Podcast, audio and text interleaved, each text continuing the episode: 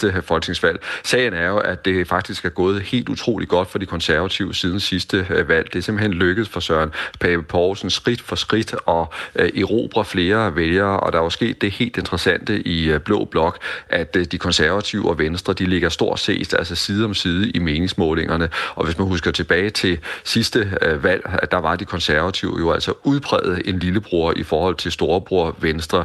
Så de konservative, de er inde i en god gænge rent vælgermæssigt, Øh, og man skal også lægge mærke til, at øh, Isabella Arendt er jo faktisk ikke den eneste øh, politiker, der er søgt mod de konservative her i de senere år. Det er sket mange steder rundt om i lokalpolitikken, hvor folk fra andre partier er søgt til de konservative, og så har vi jo faktisk også set, at to prominente venstrefolk fra Folketinget, altså nemlig Britt Bager og også Markus Knudt, har søgt ind til konservative, også den tidligere LA-politiker Laura Lindahl. Så der er altså simpelthen været nærmest sådan et, et, et pres på døren. Folk har stået og banket på døren til de konservative for at blive en del af partiet.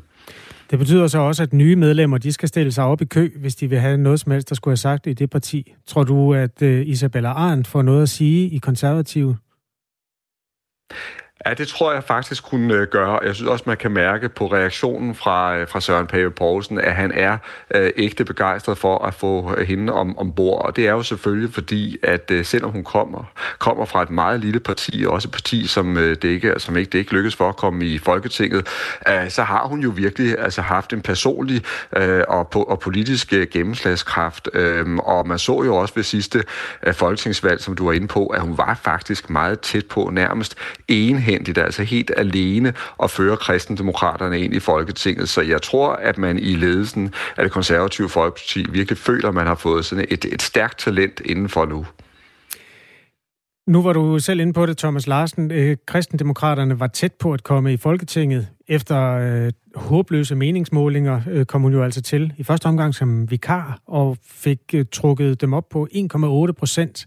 Et rigtig øh, godt valg dog ikke nok. Øh, eller var det 1,9 i virkeligheden? Det kan jeg ikke huske. Det var i hvert fald lige underkanten af de ønskede to. Hvor tror du, at kristendemokraterne står nu, Thomas Larsen, hvor hun er ude? Ja, det er et godt spørgsmål. Altså, jeg må sige, jeg kan næsten ikke se, hvordan partiet skal komme ud af den øh, krise, som det står i nu. I hvert fald, hvis målet er at komme i Folketinget. Det mener jeg altså nærmest er, er, er udelukket på nuværende tidspunkt. Og jeg tror, at hvis partiet skal have en fremtid sådan her på kort sigt, så bliver de nødt til at koncentrere sig om det lokale, altså at sørge for, at basen er i orden der, altså sørge for, at øh, man stadigvæk er repræsenteret rundt omkring i kommunalbestyrelser, Og så tror jeg, at man skal bruge flere år, hvis man skal give det skud igen i forhold til at komme i Folketinget. Det hører med til historien, at øh, partiet jo er lidt uventet vej kom i Folketinget ved hjælp af Jens Rodes partiskift fra Radikale Venstre, men han har jo altså lavet forstå, at han ikke øh, vender tilbage. Øh, dengang han skiftede, der fik øh, ja, tidligere formand er hun jo så nu, Isabella Arendt, et kontor på Christiansborg. Men øh, har du nogen idé om, hvem der skal bo der? Nej, det har, det har jeg ikke. Men man kan sige, hun er jo altså i forhold til, til, til sit partiskift her, der er hun jo kommet altså virkelig flyvende øh, fra start, fordi altså ikke nok med, at øh, Søren Pape, han har budt hende varmt velkommen. Det er jo simpelthen også lykkedes på rekordtid at finde en, øh, en kreds øh, til hende i Hedensted, så hun, øh, hun er jo altså simpelthen kørende fra, fra dag et, og jeg tror, at øh, mens det bliver rigtig svært for kristendemokraterne, så tror jeg til gengæld, at Isabella Arndt personligt altså står med en rigtig god chance for at at være i Folketinget efter næste valg. Thomas Larsen er politisk redaktør her på Radio 4 og har fulgt dansk politik i mange år. Hvad er din, øh, dit indtryk af de her mange partiskift? Altså, der har aldrig været så mange som nu. Hvad skyldes det? Jamen, det er jo interessant, og det tror jeg måske også er en af de få ting, der kan ramme altså Isabella Arendt øh, her og nu, fordi der er mange vælgere, der ser skævt til det her med, at der er folk, der øh, skifter partier næsten, som man skifter øh, skjorte.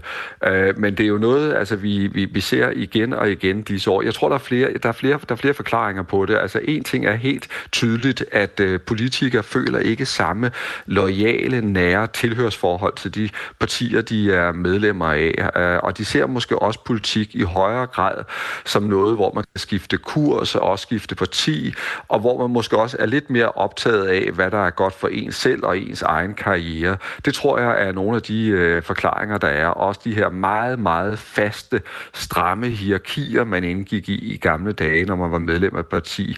Ja, det hører simpelthen fortiden til. Noget af det, der virkelig får folk op i det røde felt, er jo, når nogen tager deres mandat med. Altså hvis man bliver valgt ind for et parti og tager den med over til et eller andet andet, måske øh, fjendtligt indstillet parti. Det skal vi lige huske at sige retfærdigvis. Det er jo altså ikke det, Isabella Arendt har gjort.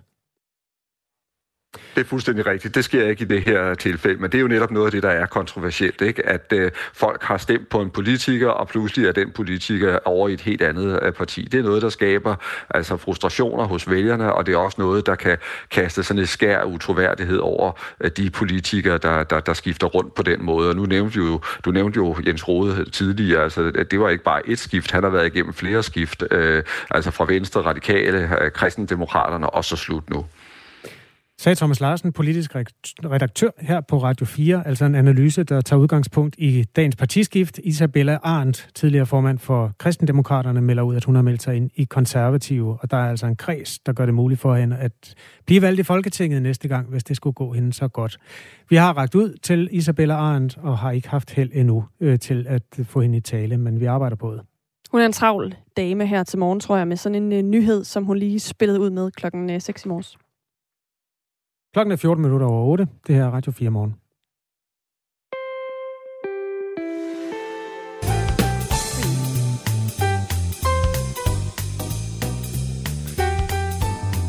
Der er masse, der skal fejres i dag, og øhm, jeg lægger dem op i en stor rådbunke, og så må du gerne, Anne Philipsen, øhm, tage dem og lægge dem i en pæn rækkefølge. Yes. Efter deres alder. Vi skal i dag fejre øh, årsdag for, øh, at man vedtog at give AP Møller-koncernen ene ret på at udvinde gas og olie i Danmarks undergrund. Sikkert en årsdag. Ja, det var jo egentlig øh, meget godt, når vi ellers får repareret tyrefeltet, at vi har vores egen olie og gas. Ja. Det er også øh, mærkedag for Søren Rasted. Han ja. er simpelthen fødselsdag. Han øh, startede med at blive kendt i Aqua. Yes. Nu er han bare kendt som Søren Rasted. Det er også i dag, at det bliver vedtaget i Folketinget, at du skal huske at spænde en sikkerhedssele, når du starter din bil. Det var tvungen brug af sikkerhedssele, som det hed dengang. Det er sådan en ting, der ligger lidt tæt på hinanden, og den, det gør den fjerde i virkeligheden også. Øh, hvor du hjælper mig. Ja, det, den her mærke, det er ret råden, men øh, jeg tog det med, fordi der er ikke så mange kendte mennesker, der har fødselsdag. Det var simpelthen i dag, at prinsesse Alexandra og 300 børnehavebørn indvidede et nyt skildpaddeanlæg i Odense Zoologiske Have. Det ja, viste sig ved fintællingen, at der var tale om Nordeuropas største anlæg for kæmpe skildpadder. Skulle der simpelthen fintælling til? Nej, det er nå, min Nå, det var din. Nå, okay. Det kunne jo godt være, at der var mange, mange små kæmpe skildpadder. Nå, okay. Så nu har du fået fire mærkedage. Altså, AP Møller fik lov at udvinde gas og olie. Alexandra og børnene indvidede skildpaddeanlægget. Søren Rasted blev født, og man indførte tvungen brug af sikkerhedssele. Den femte mærkedag, den er urgammel, det er bare for at gøre det nemt. Øh, man må ikke længere holde øh, slaver i Rhode Island. Godt. Der vil jeg gerne starte med at sige den sidste. Det er rigtigt set. Ja. 1774. På denne dag forbød man, øh, som den første af de britiske nordamerikanske kolonier, at øh, indføre slaver. Jeg ved ikke, om man stadig måtte holde dem. Man måtte i hvert fald ikke fragte dem ind Ikke nogen flere nye. Øh, så tager jeg AP Møller eneret. Og er det rigtigt? Nej, hvor godt. Og det er måske næsten på niveau med, at man skal have en kage frem, for det er 60 år siden i dag. Ja, det kunne man godt have en lille kage med, med lys i. Det er sådan en faktisk meget interessant historie med den der gasudvinding, fordi det gik jo elendigt de første mange, mange år. Man sagde, at øh, hvis de kunne lave noget, der var sådan lønsomt, så skulle de nok få lov at udvinde gas og olie i, i mange år, men da man gjorde status efter 10 år, viste det sig, at det var en dråbe i havet, så at sige. Det var først øh, op i 80'erne, der rigtig kom fart på, men det viste sig jo at være meget smart. Og hvilket årstal var vi her? Undskyld, 1962, altså for okay. 60 år siden. Mm-hmm. Og du har ret. Dejligt. Så øhm, skal jeg tænke mig om nu, for nu kan jeg godt se, nu bliver det jo lige i rap. Så tror jeg, det er sikkerhedsselen. Det er det ikke. Så tror jeg, det er Søren Rasted. Og det er rigtigt. Sådan. Han er født i 1969 og fylder det med op. 53 år på den her solskinsdag. Det var ikke så let. Så siger jeg sikkerhedsselen. Og det er også rigtigt, ja. og det er 1975, så det er dermed snart 50 år siden. så er det megaskildpadderne. Ja, 2006 var jo dagen, hvor... Som vi alle husker. Prinsesse Alexandra og 300 børnehavebørn indvidede et nyt skildpaddeindlæg i Odense Zoologisk Have. Stort så, tillykke. En god dag. Med den mærkedag. Med dem alle sammen. Og tillykke med fire rigtige i dag. Og tak for quiz. Klokken er 18 minutter over 8. Hvis du har længere end 24 km til og fra din arbejdsplads, så kan du få et kørselsfradrag. Men du burde også kunne få et fradrag, hvis du har længere end 6 km til og fra arbejde og tager cyklen. Det mener du, Jens Peter Hansen, landsformand for Cyklistforbundet. Godmorgen. Godmorgen, ja, og det mener vi i Cyklistforbundet, og det har vi ment i rigtig mange år. Hvorfor mener I det? Det er fordi, at øhm, øh, samfundet de har en rigtig, rigtig stor interesse i, at øh, flere de cykler mere, at øh, vi flytter bagdele fra sæde til sale, og øh, cykelski og alt det der er fint nok, men det er også behov for økonomiske incitamenter. Og en af dem, det vil være at øh, sænke øh, grænsen for fradrag til 6 km for cyklister. Det er ikke så mange, at de cykler mere end øh, 24 km, som er øh, grænsen for i al almindelighed. Øh, så derfor vil vi godt have grænsen længere ned for at få flere til at cykle mere. Cykelandelen, det falder jo i Danmark, og det har vi som samfund overhovedet ikke råd til. Og hvor meget vil det koste statskassen og skat, hvis man indførte sådan et fradrag? Jamen altså, det er jo et godt spørgsmål. Øh, lige nu øh, der øh, er det samlede fradrag for 1,1 millioner mennesker på cirka 27 milliarder kroner. Hvor meget at det vil gøre, at øh, man skal betale fra 6 op til 24 km. Der vil selvfølgelig komme et øget fradrag, men de penge, de tjenes jo mange gange hjem set fra samfundets side af, i og med, at hver gang, at det bliver cyklen 1 km, øh, så er øh, besparelsen på sundhedsudgifter 8 kroner. Øh, så det er jo en super, super god investering for samfundet i det omfang, at man kan få flere til at cykle noget mere. Jens Peter Hansen er altså landsforbund for, eller landsformand for Cyklistforbundet. Jens Peter Hansen, hvis du bare kommer med et estimat på, hvor mange mennesker, der har over 6 km, som vil gøre gavn, eller have gavn af den her ordning, så kan jeg sidde og regne på, hvor meget det koster, øh, mens I taler videre. Hvor mange mennesker er det cirka? Jamen, øh, altså i hvert fald, hvis man tager bilturene øh, over en kamp, pendling, ikke pendling, så er det lige omkring, eller lige godt øh, halvdelen, at det er øh, under 10 kilometer.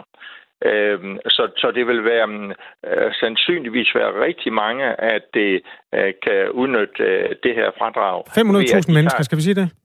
Ja, prøv bare at sige ja, det. Ja, det prøver vi at regne på. Godt. Ja. Vi, vi taler om det her i dag, fordi Cyklistforbundet har sendt et åbent brev til skatteminister Jeppe, Jeppe Brugs med netop det her forslag, altså om at indføre kørselsfradrag, hvis man har mere end 6 km til og fra arbejde og benytter cyklen. Jens Peter Hansen, var det ikke en idé at have beløbet på plads, inden man foreslår sådan en øh, ændring her?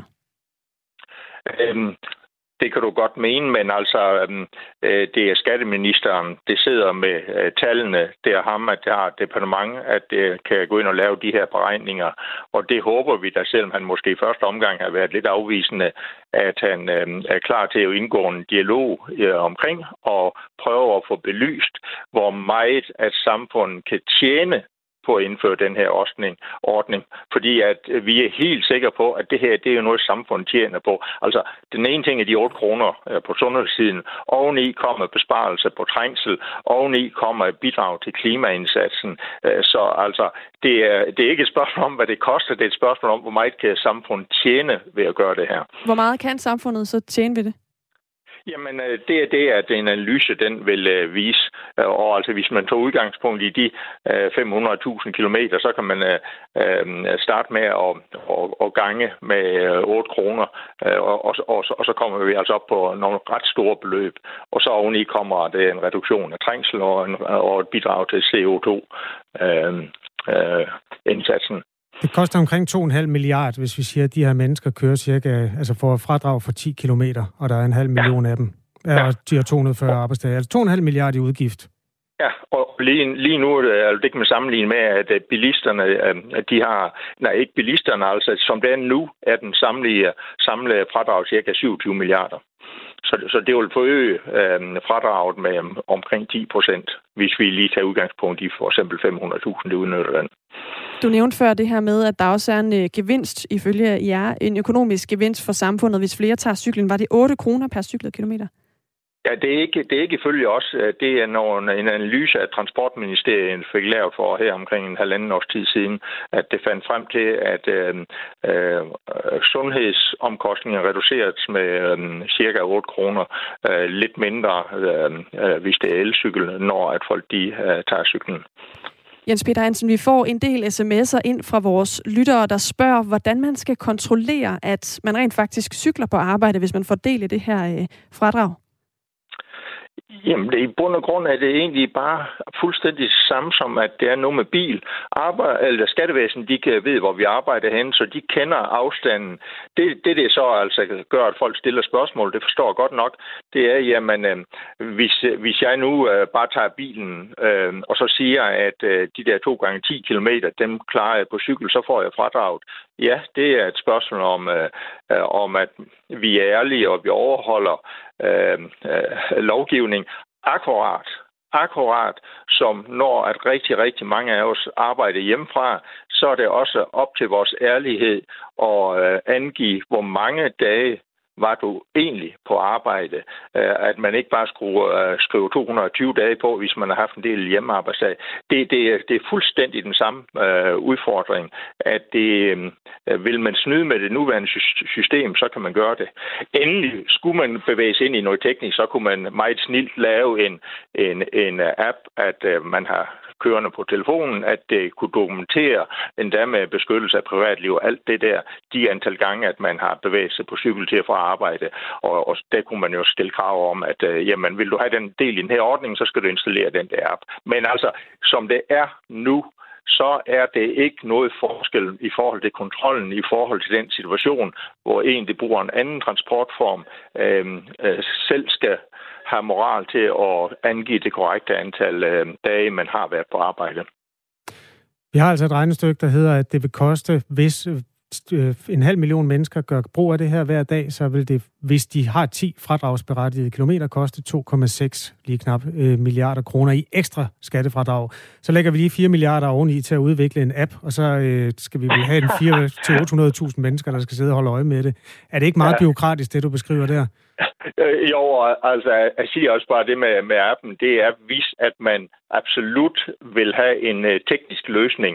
Uh, jeg mener, uh, vi i Cyklistforbundet, der mener vi, at uh, det nuværende system er baseret på tillid til, at man angiver de antal dage, man har været på arbejde, og tilsvarende øh, systemet med øh, fradrag fra cyklister for 6 km, det kan også baseres på den samme form for tillid. Det er to sider af fuldstændig samme sag, at øh, det er noget, som med den nuværende opsætning ikke eller svært for skattevæsenet at kontrollere. Det har vi allerede, og, og den samme situation vil opstå, at hvis man siger, at man kan få fra 6 til 24 km på cykel, det er ikke noget forskelligt. Men vil man have en, en teknisk løsning, så kunne man lave en app, og den koster, den koster altså... At på et tidspunkt der her en finsk app kørende på telefonen, det registrerer registreret alt min mobilitet, og selv fandt ud af, om det var med i bil eller, eller med tog, eller så videre. Så den koster, den koster ikke ret meget at lave sådan noget, og det kunne køre fuldstændig automatisk. Så det er, ikke, det er ikke noget, de skal administrere, hvis man laver sådan en løsning. Men som sagt, øh, vi kan bare benytte den tillid, som det nuværende system er bygget på.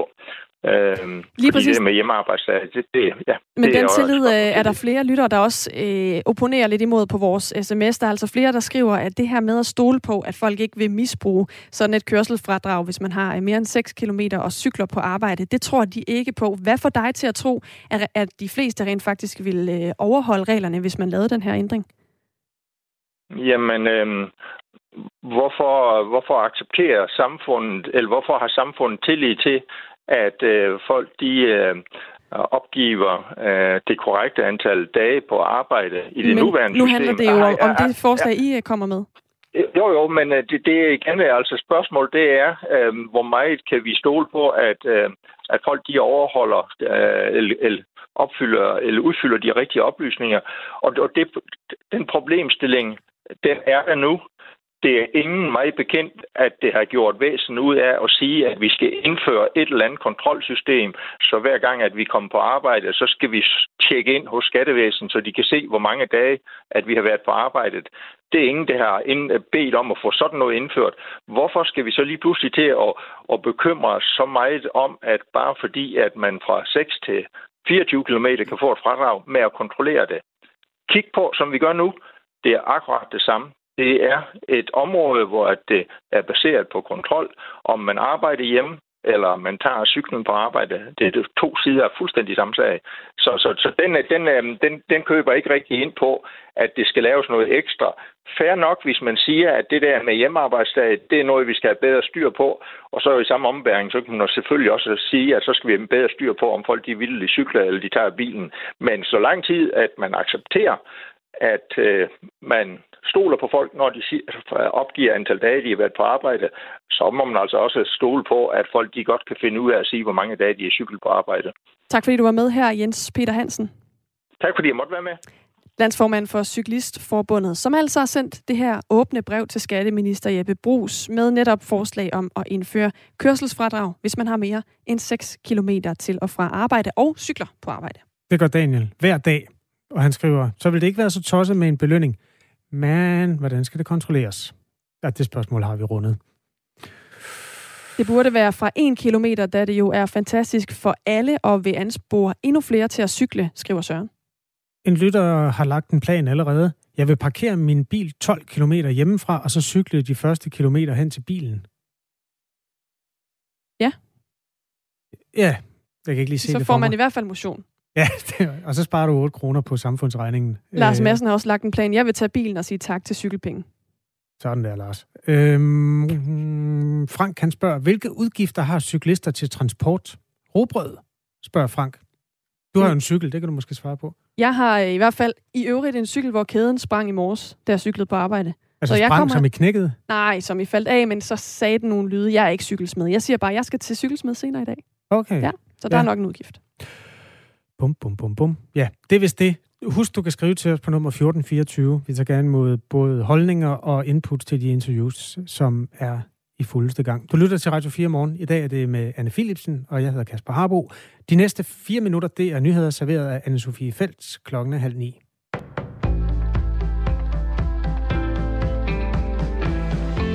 De konservatives formand Søren Pape Poulsen byder Isabella Arndt velkommen til partiet. Han kalder hende et åbenlys politisk talent. Isabella Arndt var indtil for nylig formand for Kristendemokraterne, men nu har hun skiftet parti og stiller op for det konservative Folkeparti ved næste folketingsvalg. Det skriver Avisen Danmark. Da hun forlod kristendemokraterne, sagde hun, at det skyldtes, at hun havde mistet arbejdsglæden. Jeg oplever, at der i konservativ er øh, en enorm god velkomst, har der været mig indtil videre, øh, selvom vi har måttet gå lidt stille med dørene indtil nu. Og jeg oplever, at der virkelig her er plads til, at jeg kan få lov til at folde vingerne ud og have nogle store ambitioner for både øh, børn og klima, natur og miljø, og noget af det, jeg synes er særligt vigtigt. Det siger Isabella Arndt til TV2.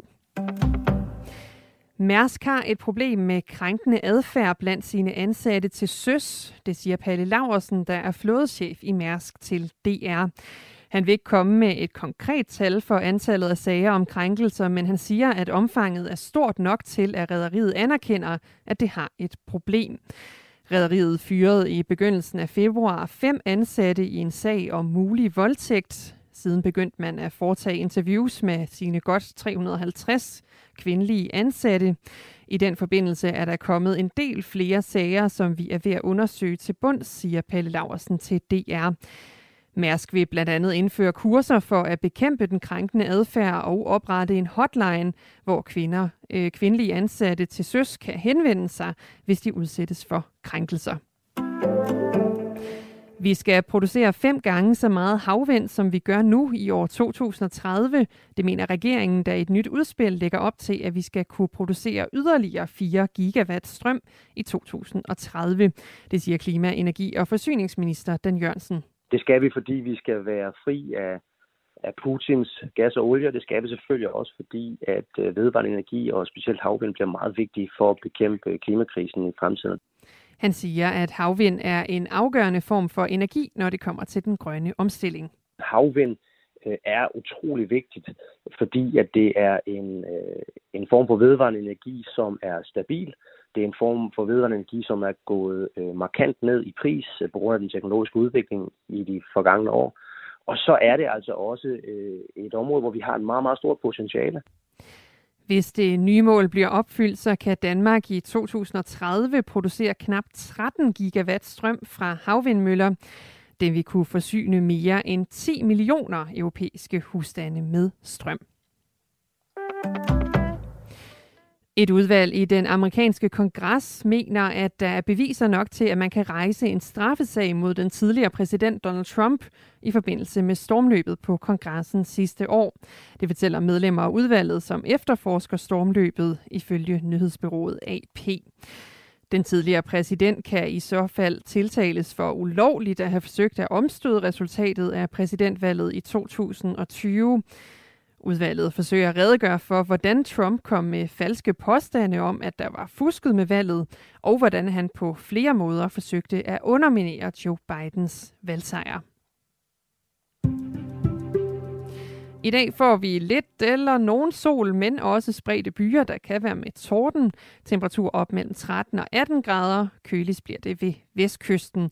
Vinden den tiltager og bliver jævnt til hård fra vest og nordvest. Ved kysten i Nordjylland, der blæser det efterhånden op til cooling.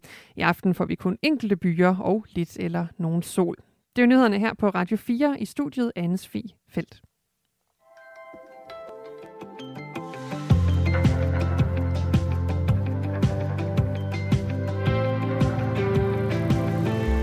Der bliver kastet med alt for mange øl, og derfor har Dansk Boldspilunion aflyst et storskærmsarrangement, der ellers skulle have samlet en masse glade mennesker foran en skærm, der viste Danmarks kamp mod Østrig, der er en del af Nations League og bliver spillet i aften. Men øh, blandt andet erfaringer fra fredagens kamp mod Kroatien viser, at øh, det er svært at styre, der fløj ikke bare øh, gyldne dråber, men sandelig også øldåser og endda flasker gennem luften i, ved flere lejligheder i forbindelse med landskampen. Og det er altså baggrunden for, at Dansk Boldspilunion nu slår bremserne i.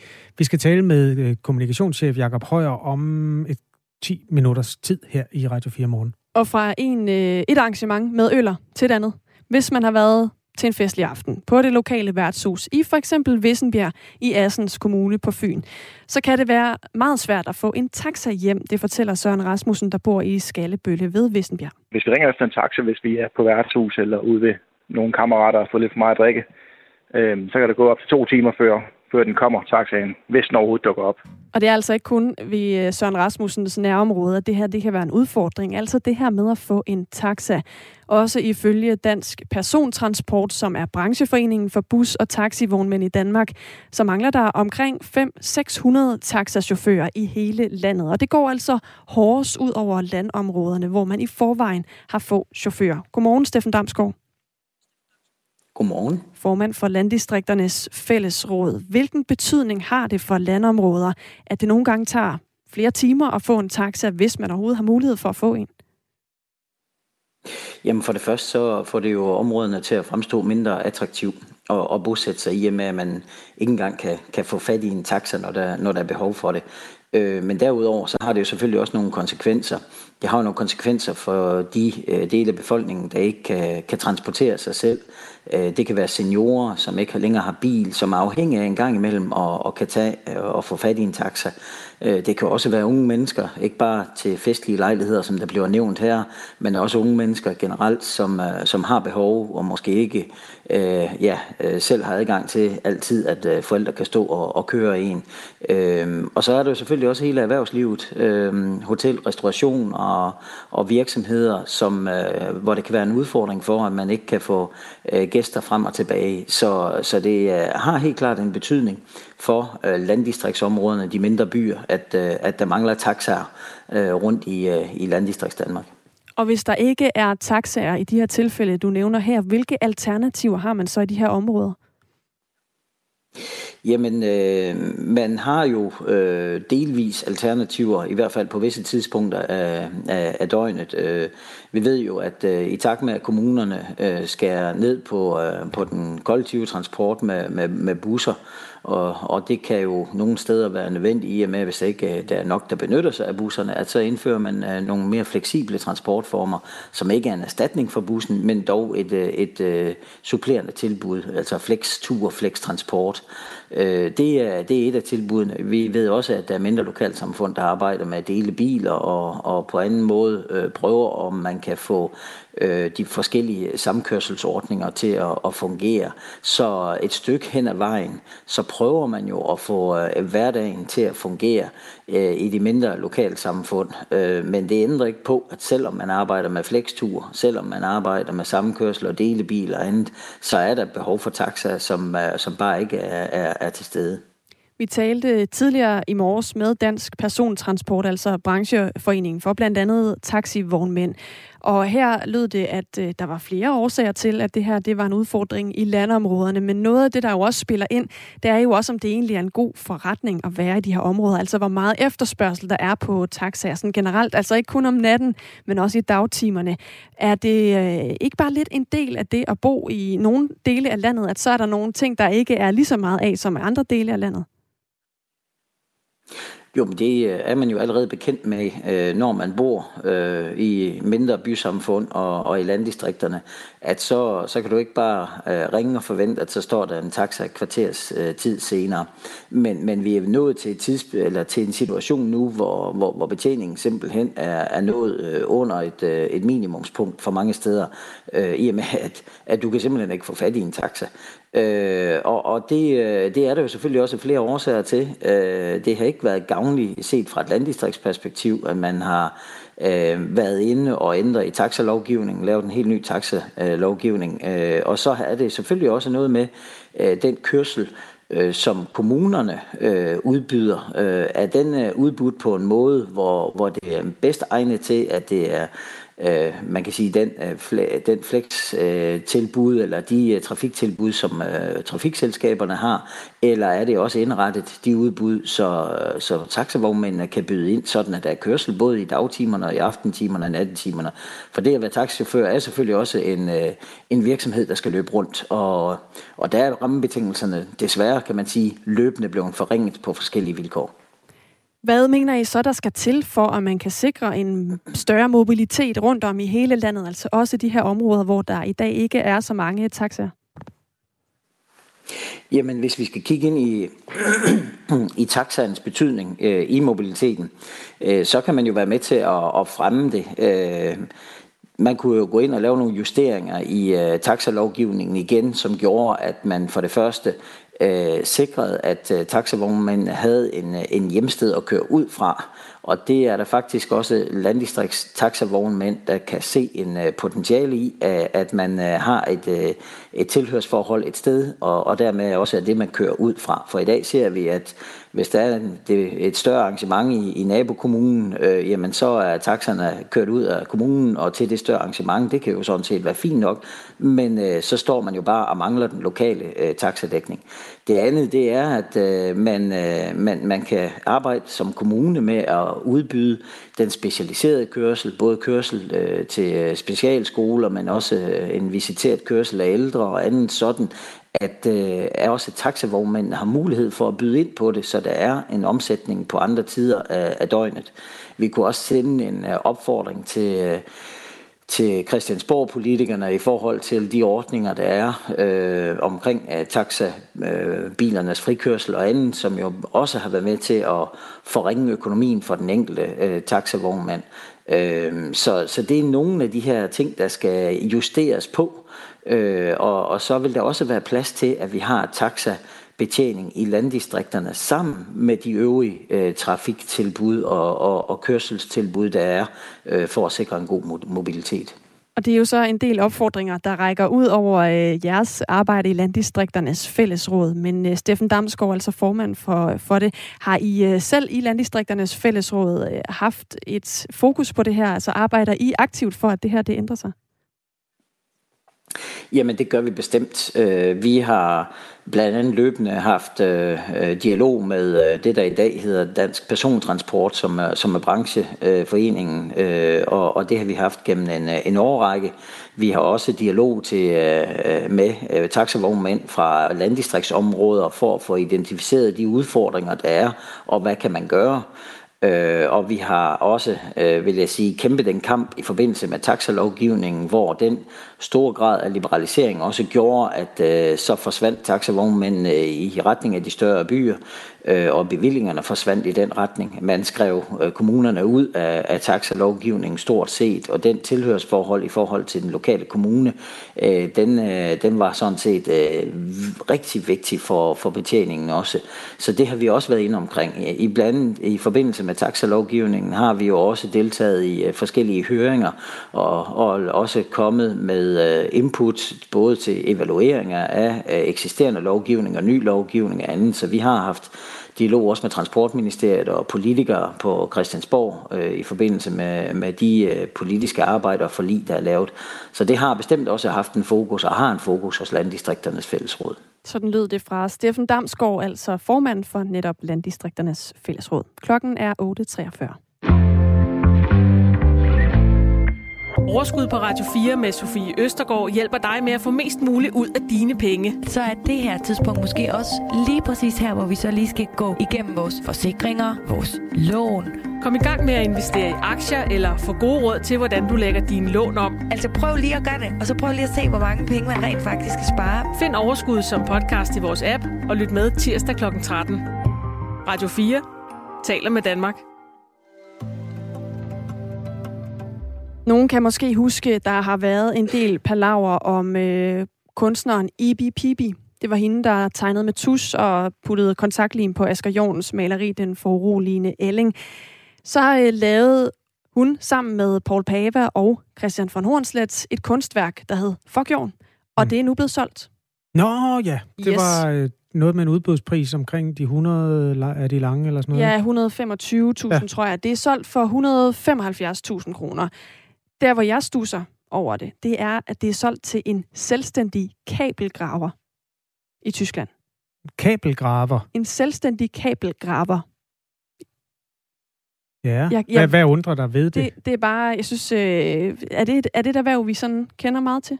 Mm. Altså en selvstændig kabelgraver? ja, jo. Altså ja. en, der selv som entreprenør? Eller?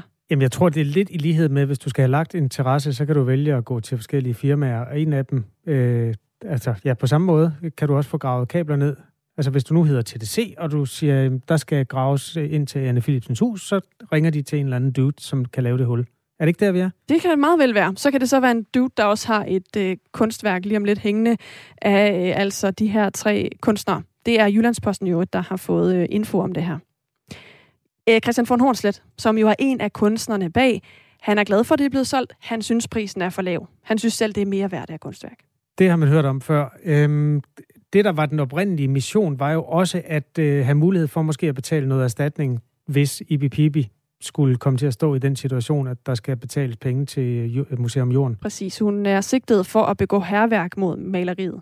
Christian von Hornslet sagde her i Radio 4 morgen, hvis nu det viser sig, at øh, det bliver en erstatning, der er mindre end det beløb, som maleriet, som altså er lavet af den der treenighed, indbringer, så kunne de jo bruge resten af pengene på en dejlig rejse til Dubai, for eksempel. Eller Katar, var det det? Nej, var det Dubai? Det var Duben. Ja, ja Duben. Var... Nå, det kan være, der stadig bliver råd til det. Vi ved jo stadig ikke helt, hvordan den der eventuelle retssag, den lander for Ibi Pibi, Orup Hedegaard. Men i hvert fald er øh, det blevet solgt. Godt.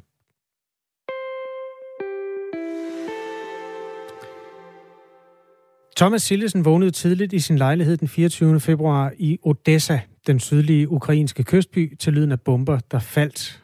Og øh, kort tid efter øh, flygtede han ud af landet via den, via den rumænske grænse, efter at først at have betalt løn til sine medarbejdere. Han er fra Esbjerg oprindeligt, men har boet ni år i Ukraine, hvor han har drevet en ingeniørvirksomhed, der hedder Ackermann Engineering and Software, hvor over 100 medarbejdere er fordelt over fire byer i Ukraine.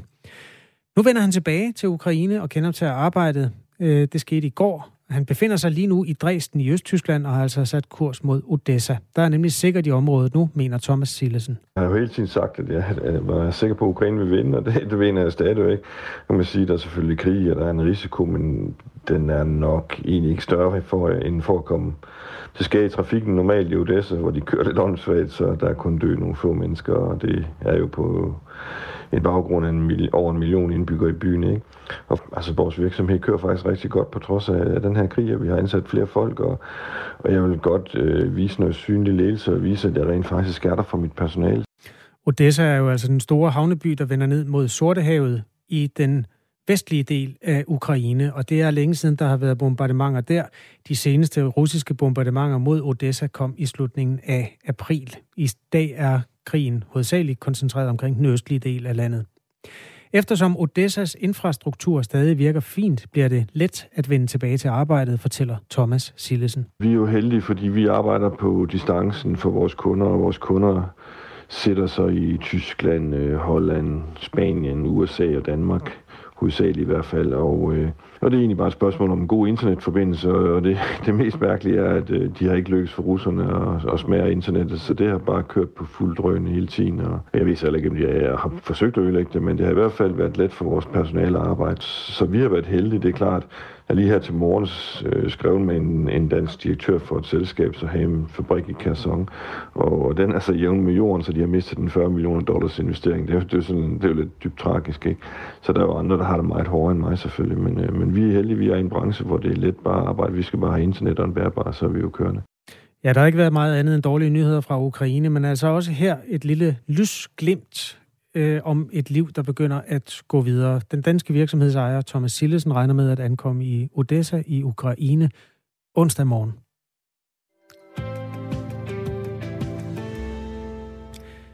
Når det danske herrelandshold i fodbold øh, spiller, så plejer det at være med storskærmsarrangementer. Det har det også været i de nylige øh, kampe i Nations League-turneringen.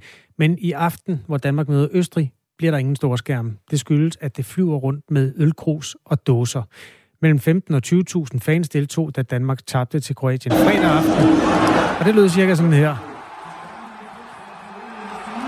Ej, ikke helt sådan, for det her det er faktisk fra sejren over Frankrig. Øh, det knap så godt gik det mod Kroatien, men lad nu det ligge.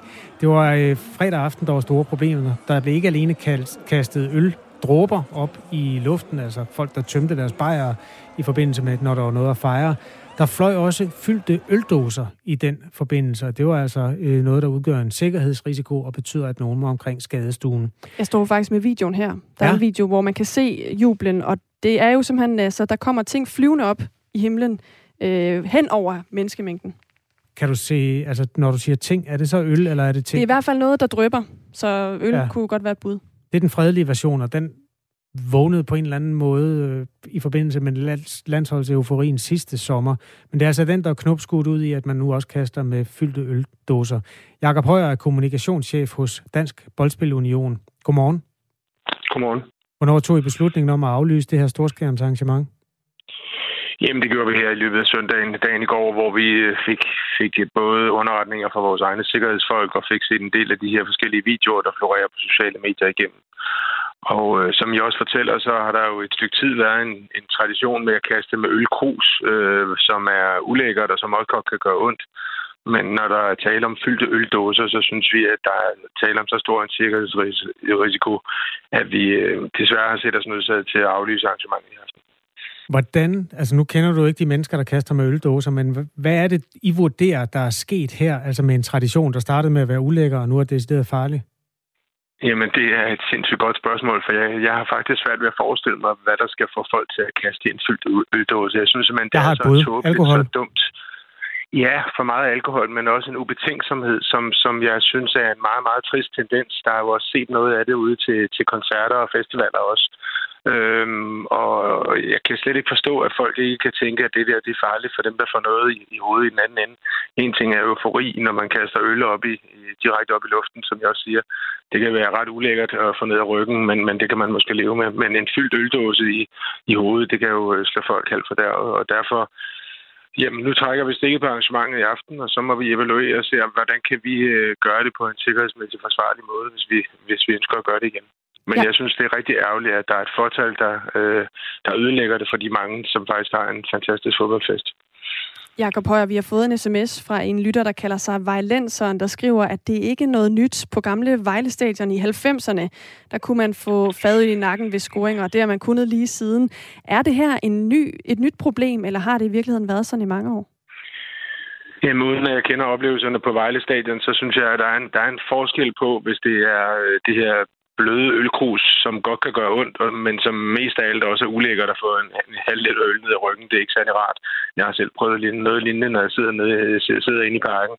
Men når der er tale om fyldte øldåser, øh, eller glas, eller ølkander, har jeg også hørt at tale om her inden for fældeparken, så er det altså med en kraft, som kan slår folk halvt på døret og, og, og det, der er værre, så synes jeg, der er tale om en endnu større øh, sikkerhedsrisiko. Og det er derfor, vi, vi har aflyst storskærmsarrangementet i aften. Der vil fortsat være noget fanzone op til kampen. Så vil vi evaluere, øh, jamen kan man gøre det anderledes næste gang? Skal vi have hegn op og endnu flere vagter og kropsvisitation?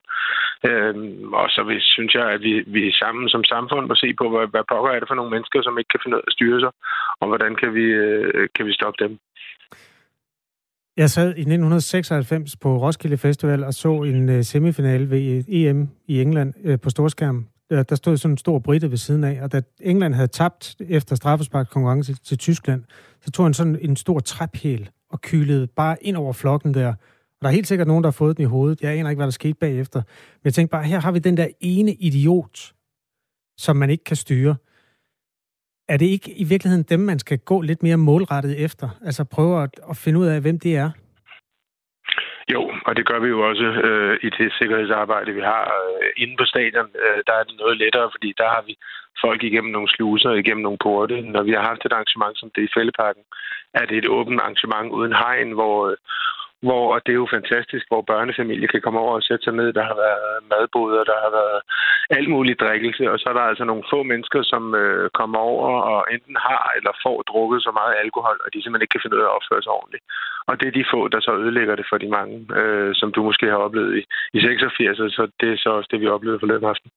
96, øh, men det skal ikke skille os ad.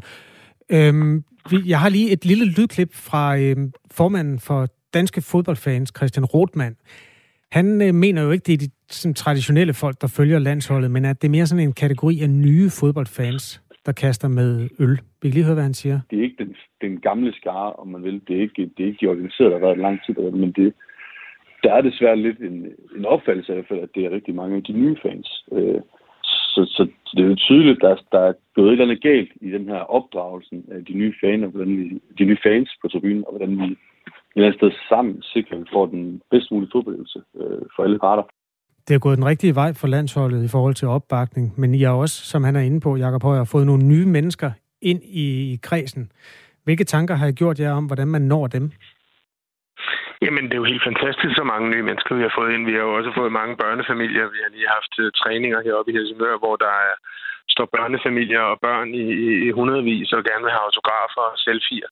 Så der er jo en, en folkelig opbakning til holdet, som, som er, vi er meget bagede og, og glade for. Jeg tror, der er tale om en, en gruppe meget få øh, uromager, som kommer, hvad enten det er til fodboldkampe eller til festivaler, og, og det virker som om, de kommer med et ærne, nemlig at, at skabe gang i den og skabe noget ballade. Og det er jo der, vi må sætte os ned og se, kan vi, kan vi gardere os øh, på, på sådan et forhold? Øh, og det kan godt være, at løsningen bliver at have hegn og visitation, eller øh, at man skal øh, i gåsøjne købe billetter til at komme til et storskærmsarrangement, så vi også får navn og nummer på folk. Øh, det vil vi sætte os ned med, med TV2 som medarrangør, med politiet og andre myndigheder og se, hvordan kan vi gøre det her en anden gang.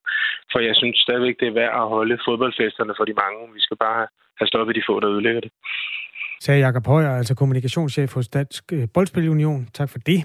Øh, landsholdet, altså herrerne, spiller i aften i et udsolgt parken kl. 20.45. Og hvis du skal se det, så bliver det altså på din egen skærm. Øh, TV2 viser kampen. Jeg har engang fået, undskyld, tyret en luksustartlet i nakken.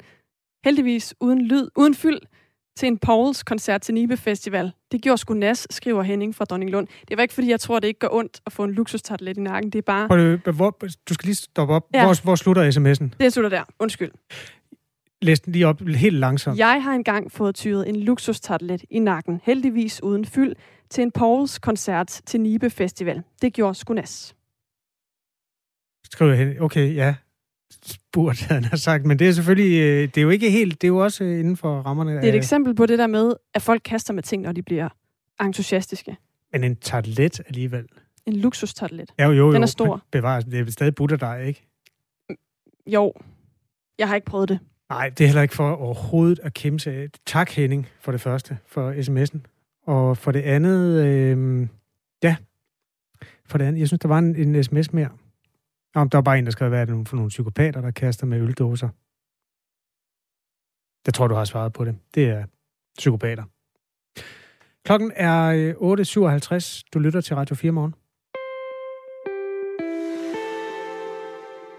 En ny LGBT-organisation er opstået. Som modvægt til LGBT plus Danmark, så vil Dansk Regnbueråd, som den her nye organisation hedder, udfordre og gøre op med LGBT-verdens ekstreme fokus på køn, krænkelse og politisk korrekthed, som det hedder ifølge foreningen her. I første omgang med 12 konkrete politiske ønsker, som de kalder et opgør mod kønsaktivisme og wokeness.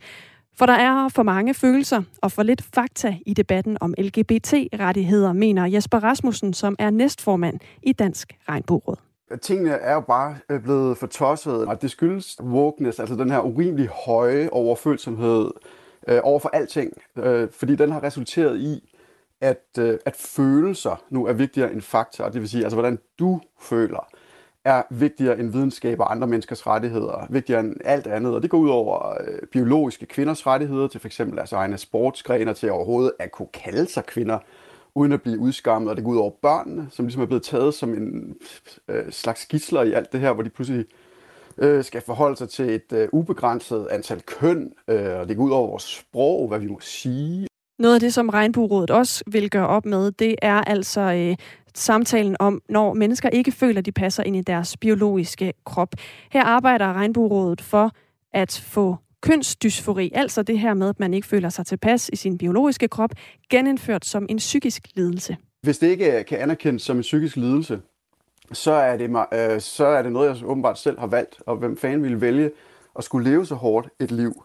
Øh, og den forskel, der er på det og homoseksualitet, øh, sådan som jeg ser det, det er, at du kan fint leve et øh, liv som homoseksuel, uden at, at skulle medicineres, og uden at have gennemgå meget, meget om så kirurgi osv. Så, videre, så, videre. så der er, der er væsentlig forskel på det. Så lød det altså fra Jesper Rasmussen, næstformand i Dansk Regnbueråd. Vi ville også rigtig gerne have talt med LGBT plus Danmark om, hvordan de forholder sig til den kritik, som Regnbuerådet jo også kommer med af dem. Men de vil ikke stille op til interview og skriver, at vi kommenterer af princip ikke på andre LGBT-organisationers eksistens eller politik. Vi laver tre timers aktualitetsradio til dig hver eneste morgen mellem 6 og 9. De tre timer er slut lige om lidt, så kommer der 5 minutters nyheder, og derefter Radio 4 morgen der øh, kigger på diskussionen om en fire-dages arbejdsuge giver mening. Altså, øh, det er indført i flere virksomheder her i Danmark. Lyt med om fem minutter. Lige nu er der altså, som sagt, nyheder på Radio 4 klokken er 9.